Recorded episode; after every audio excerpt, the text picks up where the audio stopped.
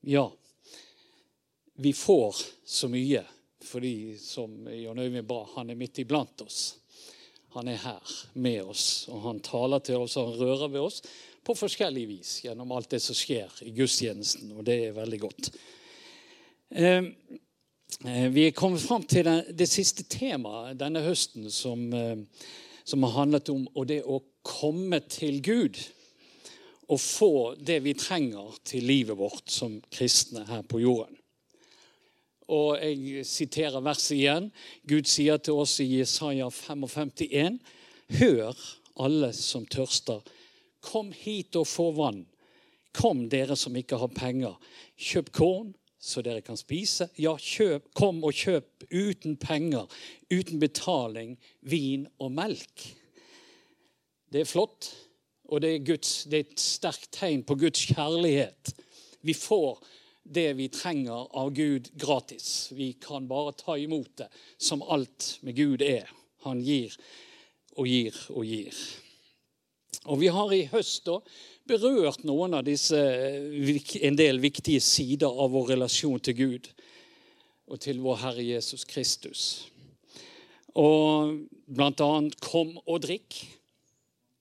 Kom og bli fylt. Kom og vær i mitt ord for å nevne noen av disse her. Og ifra Guds ord, som vi har det i Bibelen, så springer det fram en pågående invitasjon til oss om å komme til Gud. Komme til Jesus og få det vi trenger. Det går gjennom Skriften. Ikke sant? Så det er Guds ord sier 'kom' til oss. Så det er opp til oss. Vi lever i et samfunn som, der vi blir tilbudt det meste. Det ser vi, det får vi enten vi er her eller der, så blir det, lyser det opp foran oss. Ja, og så er det jo sånn at i vår del av verden så kan jo vi nesten få alt som, som vi ønsker oss. Det er ikke langt ifra det. Men gjennom temaene vi har berørt denne høsten, så har vi blitt minnet om at det er til Jesus vi må gå for å få det som varer. Det som har evig verdi. Det er hos Han vi får det. Fordi at denne verden har sprukne brønner, som det står. De har brønner som lekker. Det holder ikke. Det holder ikke vann. Mens Jesus, han har livets vann. Og det er det vi inviteres til å hente og få hos han. Siste tema vi har i dag, det er å komme og følge mitt eksempel. Og det er et, eh, et veldig vidt tema som kunne belyst på mange forskjellige måter. Men vi har valgt en tekst som setter en kurs og en retning på dette her. Og det var fint med innledningen til Jon Øyvind i dag, som snakket om lys og mørke. For det denne teksten handler om, og det vi skal snakke om, det er enten lys eller mørke. Fordi at det er enten denne verdens rike eller Guds rike. Og det er det vi skal se på. Vi er i våre liv kalt til å se på Jesus og har vårt blikk festet på han. Som han sjøl oppfordrer oss til å gjøre. Han vil at vi skal ha han som vårt fremste forbilde i livet. Og hvordan var Jesus overfor de menneskene han levde blant her på jorden? Gud har jo i sitt ord gitt oss mange ting, og mange gode ting, for hvordan vi kan leve våre liv som troende. Og vi har beretningene om det Jesus gjorde når han vandret her på jorden, som en av oss. For da ble han prøvet i alt, i likhet med oss. Han ble det. Og teksten i dag, den er fra Johannes 15. Og jeg tar den fra 16, vers 16 til 21. Altså Johannes, Hvis du vil følge med, Johannes evangeliet 15, vers 16 til 21. Og det skal vi komme frem og tilbake til i løpet av talen her. så du kan holde en finger der hvis du vil. Men der sier Jesus, Og han har snakket om frukter, han har snakket om at vi er grener på treet osv. tidligere. Og så kommer han her i vers 16 så sier han, dere har ikke utvalgt meg, men jeg har utvalgt dere og satt dere til å gå ut og bære frukt, frukt som varer. Da skal Faderen gi dere alt det dere ber om i mitt navn. Dette er mitt bud til dere. Elsk hverandre. Hvis verden hater dere, skal dere vite at den har hatet meg først. Hadde dere vært av verden, hadde verden elsket sitt eget. Men dere er ikke av verden. Jeg har jo utvalgt dere fra verden. Derfor hater verden dere. Husk at jeg sa en tjener er ikke større enn sin herre. Har de forfulgt meg, vil de også forfølge dere. Har de holdt fast på mitt ord, vil de også holde fast på deres. Alt dette vil de gjøre mot dere for mitt navns skyld. For de kjenner ikke ham som har sendt meg. Det er viktig at vi vet hva dette betyr for oss i våre liv. For Jesus taler og snakker til disiplene bl.a. for å forberede dem på det livet de har i vente. Men nå er vi i advent. Og tradisjon tro så har vi tent to lys i dag. Og det minner oss om at høytiden nærmer seg. Og det gjør den. Og vi skal feire til at Jesus kom til jorden som et lite barn for å frelse oss. Vi ser fram til julen. Jeg håper alle gjør det. Jeg ser fram til julen. Og jeg ser fram til Guds ords beretning om hvordan det hele gikk til. Jødene og de som levde på Jesu tid, de hadde hørt at det skulle fødes en konge. Det var kjent i den fjerne Østen, vet vi. Det var kjent på kongens slott og blant vanlige mennesker. Jødene ventet Messias som en konge som skulle fri dem fra Romerrikets makt. Mens troende, som de gamle i tempelet, Simeon og Anna, de ventet en frelser.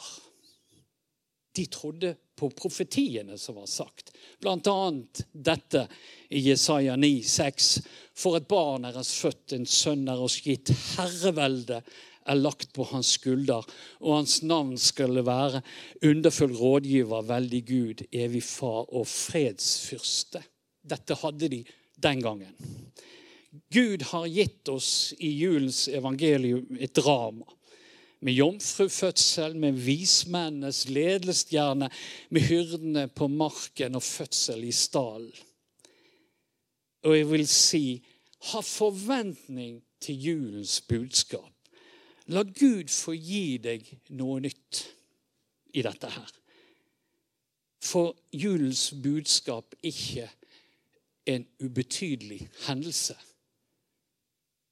Det forteller oss at Gud kom til jorden. Og en dag vil det bli virkelig stort for oss når vi kommer hjem og skjønner hva han har gjort. For han kom for å løse oss ut, for å frelse oss, for å ta oss ut av denne verden til et helt annet liv, et helt annet rike. Til å få komme hjem til ham. Vi har fått Den hellige ånd som pant på vår arv. Så du kjenner det. Du kjenner det i ditt eget liv at du er på vei. Du har fått noe. Vi er evighetsmennesker. Vi er på vei gjennom livet. Og vi skal en gang gjennom døden til en oppstandelse som er lik hans. Der han tar oss inn i evigheten i himmelen. Vi skal gjøre som Jesus gjorde også her. Følge hans eksempel. Vi skal dø med han, og vi skal reises opp med han til et nytt liv. Det er framtiden vi har. Hold fast det, i dette håpet. Grip det, og la det ikke være langt borte fra deg. La ikke håpet svinne når det røyner på her på jorden. Hold fast i det. For noen ganger røyner det på. For noen ganger kan det være tungt å bekjenne Jesu navnet og ha Han som Herre. Og det er det vår Herre ønsker å bevisstgjøre oss på i denne teksten i dag. Han har erfart det vi får oppleve. Det erfarte han på sin egen kropp, og derfor sier han hvis verden hater dere, skal dere vite at den hatet meg først. Ja, vi har hørt det, og vi har lest det i Skriften. Hvordan Jesus ble mottatt av jødene, hvordan romerne møtte han da han sto fram med sitt budskap, og da han gikk rundt og gjorde godt. De snakket han imot, de spottet han, de gjorde narr av ham, og til slutt korsfestet de han. Og allerede helt fra begynnelsen av sin tjeneste fikk Jesus møte forfølgelsen av de menneskene han hadde vokst opp blant der i Nasaret. Som den gang han gikk til synagogen i Nasaret, og de rakte ham profeten Jesajas bok. Da sa de, etter at han hadde lest fra den da alle roste ham og undret seg over nådeordene som kom fra hans munn. Er ikke dette Josefs sønn? spurte de. Men så sier Jesus til de som var i jødenes synagoge. Da sa Jesus til dem, dere vil sikkert minne meg om dette ordtaket leg, lege, leg deg selv. Dere vil si, vi har hørt om alt det som har skjedd i Kapernaum. Gjør det samme her på ditt hjemsted. Altså, Jesus hadde gjort friske folk i Kapernaum. Ryktet om han det spredde seg rundt på denne tiden. Men så legger Jesus til, sannelig, jeg sier dere, ingen profet blir godt mottatt på hjemstedet sitt. Jeg sier dere som sant, det var mange enker i Israel den gang Elia levde. Da himmelen var lukket i tre år og seks måneder, og det ble en stor hungersnød i hele landet. Likevel ble ikke Elias sendt til noen av dem, bare til en enke i Sarepta i Sidonlandet. Og så nevner han for dem flere eksempler der bare noen få ble helbredet. Og det var hedninger. Det var ikke jøder som ble helbredet på den tiden. Og det Jesus nevner, og det er viktig å ha med i historien her, det er det at det var i tider der jødene hadde vendt Gud ryggen. Jødene gikk, det vet vi fra historien i Det gamle testamentet. De gikk frem og tilbake. Noen ganger tilba de Gud og levde med han. Andre ganger vendte de seg fra han osv. videre. og vi vet sånn fra historien kongene skiftet. Den ene kongen fulgte Gud, den andre kongen fulgte noe helt annet. Sånn var det. Og så minner Jesus jødene om dette nå når han taler her i synagogen. Og det han gjør, det han hentyder til at Guds nåde blir holdt tilbake fra jødene pga. deres vantro. Derfor ble ingen andre helbredet i denne tiden. Av det så står det de ble så rasende at de jaget han ut av synagogen og mot en klippe og ville styrte ham utfor. Men han gikk bare gjennom folkemengden og bort fra dem. Og da kom ordene når jeg holdt på med dette her, fra Johannes 1,11. Han kom til sitt egne, eget, og hans egne tok ikke imot ham. Jesu ord ble ikke godt mottatt fordi sannheten noen ganger ikke er god å høre. Det vil alltid være slik at sannheten blir motarbeidet. spesielt av fienden. Denne verdens fyrste. Fordi at det står at han er en løgner og løgnens far. Vi må være forberedt på å bli motarbeidet. Også når vi bare vil gjøre det gode. For det var det Jesus opplevde. Og Et av de triste eksemplene er hvordan Jesus, når han bare ville gjøre godt, ble overvåket, og onde planer ble lagt. Lukas 6, 6-11. En annen sabbat gikk han inn i en synagoge og underviste. Der var det en mann som, med en høyre hånd som var helt vissen. Ikke sant? De skriftlærde og fariserene holdt øye med Jesus for å se om han ville helbrede på sabbaten så de kunne få noe å anklage ham for. Men han visste hva de tenkte, og sa til mannen med den syke hånden, reis deg og kom fram. Han reiste seg og gikk fram. Og nå spør jeg dere, sa Jesus, hva er tillatt på sabbaten? Å gjøre godt eller å gjøre ondt? Å berge liv eller å ødelegge liv? Han så på alle dem som sto omkring, og sa til mannen, rekk ut hånden. Han gjorde det, og hånden ble frisk. Da ble de rasende og begynte å snakke sammen om hva de skulle gjøre med Jesus. Hensynet til loven ble av fariseerne satt høyere til denne mannens plager og denne mannens mulighet for å bli helbredet, bli frisk. Vi skal gå videre og vers 19 i teksten i dag er sentral for oss i vår tro, og vi trenger å ha dette inne. Og her kommer det mørket og lyset. Hadde dere vært av verden, hadde verden elsket sitt eget. Men dere er ikke av verden. Jeg har jo utvalgt dere fra verden. Derfor hater verden dere. Vi er utvalgt fra denne verden. Når vi tar imot Jesus som vår Herre og Frelser, så setter han oss til side på en måte. Han skiller oss ut fra mengden. Det greske begrepet for menighet, eklesia, betyr en forsamling av de som er kalt eller utkalt eller utvalgt av Jesus og har tatt imot Jesus og lever i samfunn med han. Det er det menighet betyr. Så vi er en menighet. Vi er utvalgt. Vi er satt til side. Dette har vi også gitt for oss i Kolossene 1, 12-14.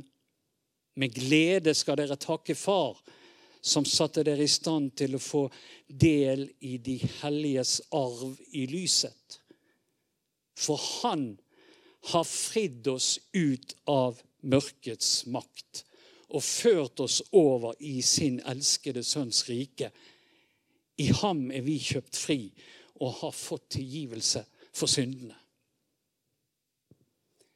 Vi kan glede oss i takknemlighet for som frelste så tilhører vi et annet rike, et evig rike der Jesus er konge.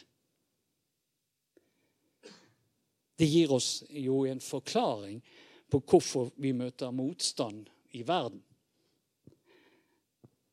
For verden er et annet rike enn det vi tilhører. Ja, vi kan til og med bli hatet, som det står i teksten. Det vil aldri være populært å bekjenne Jesu navnet i denne verden. Derfor sier Jesus i Matteus 10, 32, Vær den som kjennes ved meg for menneskene, skal også kjennes ved meg for min far i himmelen. Det Jesus vil fortelle oss i denne teksten i dag, og som er viktig for oss å ha med oss på veien, er at vi skal ikke forundre oss over motstand og forfølgelse, for det vil komme. Jesus har ikke lovet oss et liv her på jorden som en dans på roser der alt er godt. Nei, han har sagt at det kan bli vanskelig. Men han har i sin kjærlighet til hver enkelt av oss lovet å være med oss gjennom vanskelighetene. Og så har han lovet å sørge for at vi har det vi trenger til det livet vi lever her på jorden. Og til å tåle det onde som kommer imot oss. Han vil gi oss av sin kjærlighet den kjærlighet som tåler. Og skal vi følge Jesus' eksempel, så må vi se på hvordan Jesus møtte forfølgelsen. Og det sentrale i det er at han tok ikke igjen. Han tok ikke igjen. I bergpreken lærer han oss at vi skal vende det andre kinnet til. Og blir vi tvunget til å gå én mil, så skal vi gå to. Vi blir bedt om å strekke oss lenger. Videre, elsk deres fiender. Velsign den som forbanner dere. Gjør godt mot dem som hater dere, og be for den som forfølger dere. I teksten vi leste fra Johannes 15, fra vers 17 der, sier Jesus, 'Dette er mitt bud til dere. Elsk hverandre.' Det å elske hverandre kan være utfordrende i seg sjøl. Men det å elske de som motarbeider oss, det er uten tvil vanskeligere og mer utfordrende. Og det er her jeg tenker at vi eh, må resignere og si at det går ikke i vår egen kraft. Men det går i den kraft som Han har utrustet oss med. Vi trenger Jesu hjelp. Og hvorfor må det være sånn? Og når jeg holdt på med dette, så tenkte jeg at vi kan jo av og til begynne å lure på hvorfor vi ikke blir tatt hjem til himmelen med en gang vi blir frelst. Hvorfor skjer ikke det den dagen du og jeg sier ja til Jesus og tar han inn som herre i våre liv? Hvorfor blir vi ikke da løftet direkte opp til himmelen, hjem til han, til hans rike? Det er en forklaring. I bergpreken sier Jesus blant annet da For hans sol går opp over onde og gode, og lar det regne over dem som gjør rett, og den som gjør urett.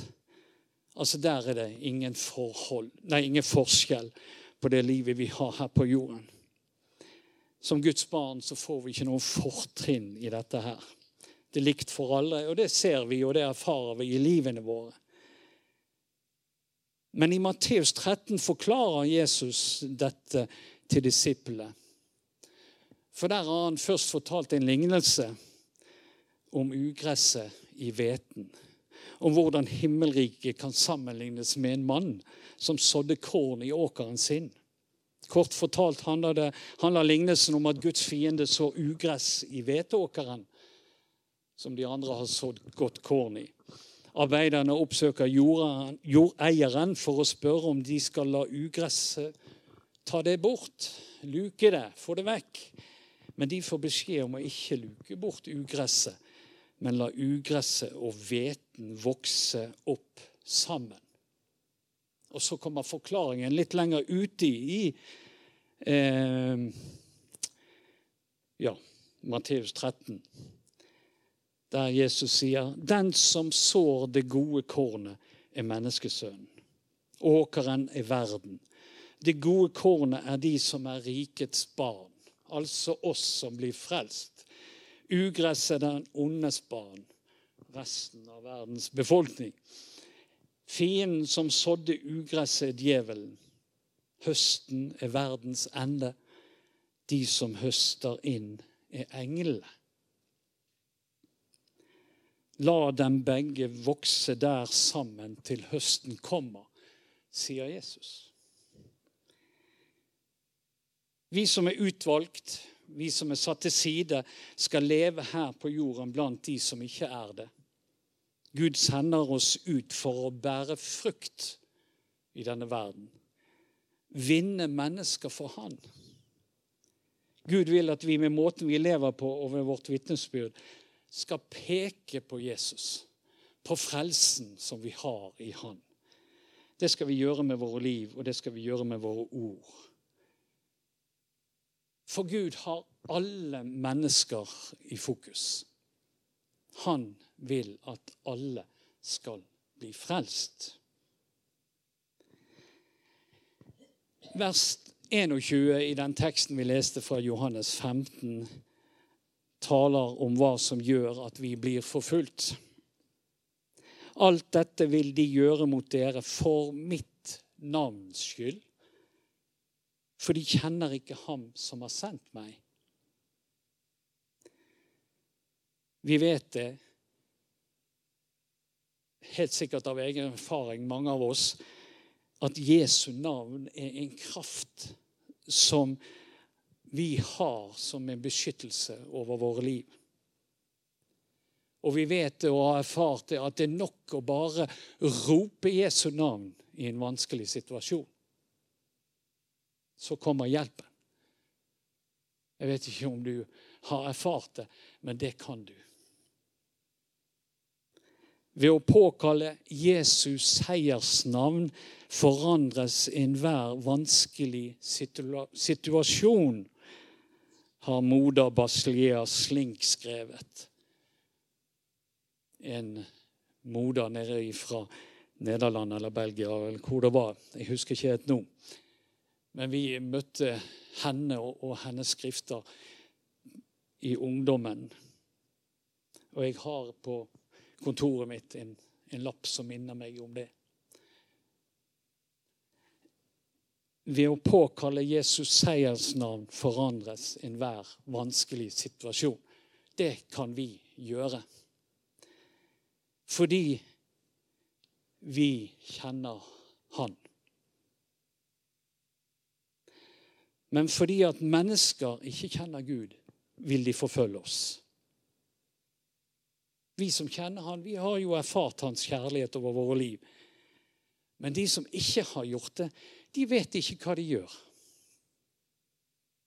Som Jesus sa når han døde på korset. Far, tilgi dem, for de vet ikke hva de gjør. Men vi er kalt til å tilgi de som motarbeider oss, for de vet ikke. De kjenner ikke.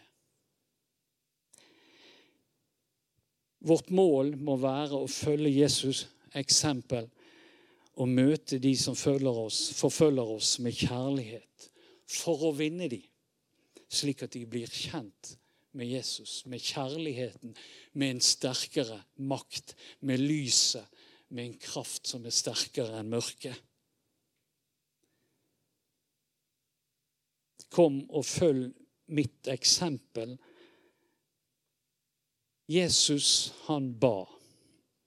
Og han ba konkret for disiplene som var i fare. Og i sine avskjedsord ved den siste nadværen sier Jesus til Simon Simon, Simon, Satan har krevd å få siktet dere som hvete. Men jeg ba for deg at din tro ikke måtte svikte. Og når du igjen vender om, da skal du styrke dine brødre. Dette sa han før Peter gikk ut og fornektet han. Vi kan be for hverandre. Og be konkret om beskyttelse for hverandre. Og det trenger vi å gjøre. Og spesielt trenger vi å be for de som vi vet blir forfulgt for Jesu navns skyld. Vi trenger å løfte de opp for Herren og be for dem. For Jesus ba, og han, det står nevnt flere steder at han ba. Men selv trakk han seg ofte tilbake til øde steder og ba. På denne tiden gikk han en gang opp i fjellet for å be, og hele natten var han der i bønn til Gud. Jesus trengte å be til sin far i himmelen. Og vi trenger å be til Han som er konge i det rike vi tilhører, Jesus. Og når Jesus var på jorden, så var han da stadig i kontakt med sin far, vår Gud. Og vi må stadig være i kontakt med vår Herre. Jeg har lyst til slutt å ta med noen vers fra Jesu øverste prestelige bønn, som vi har i Johannes 17. Og Noen ganger kan vi jo si at gjerne er dette Jesu rapport tilbake til Gud før han dro herfra. Men her bekrefter han disse tingene i sin bønn til sin far. Fra 14 til 19, der han ber for oss. Jeg har gitt dem ditt ord men verden har lagt dem for hat. For de er ikke av verden, liksom jeg ikke er av verden. Jeg ber ikke om at du skal ta dem ut av verden, men at du skal bevare dem fra det onde. De er ikke av verden, liksom jeg ikke er av verden. Hellige dem i sannhet. Ditt ord er sannhet. Liksom du har sendt meg til verden, så har jeg sendt dem til verden. Jeg innvier meg for dem, så de også skal være innviet ved sannheten.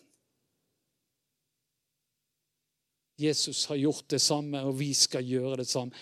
Han har sendt oss. Gud sendte Jesus. Jesus sender oss ut til verden. Noe som vi altså da sikkert vet når vi opplever vanskeligheter med å leve som en kristen, som vi kan ta til det i vårt hjerte, er at Gud vil bevare oss fra det onde. Og vi vet at Jesus går i forbønn for oss. Det står òg flere steder, men det er sannheten. Og vil avslutte med salmedikteren som sier sånn Jeg er i Herrens hender i alt som med meg skjer. I smil og gråt jeg kjenner at Herren er meg nær. Om jeg i dype daler må gå den tunge vei fra himmelens høye saler. Hans øye følger meg. Han ser oss. Han vet alt om oss, og han er nær oss. Og han vet når vi har det vondt. Han vet når vi har det vanskelig, og når det er tungt å bekjenne hans navn, og når det er tungt å komme seg igjennom det livet her på jorden, så vet han det. Men han har det vi trenger, og han har lovet å være med, og han ber for oss. Og la det være det vi tar med oss videre i livet her som vi skal leve. For det blir ikke bare problemfritt. Det vet vi. Men han er der, og han vil være med oss. Takker deg, Herre, for at du ikke har forlatt oss. Men du har latt oss få Den hellige ånd som pant på den arven som vi har i vente. Vi har deg i vårt indre. Vi har ditt ord. Og vi kjenner at ditt ord er mat og næring for oss. Det er liv for oss. Og Jesus, hjelp oss til å ta og fylle oss med ditt ord, så vi har det inne så vi vet, så vi forstår når ting er vanskelig, når ting skjer i våre liv. Hjelp oss til å holde oss nær til deg. Og takk for at du ser oss.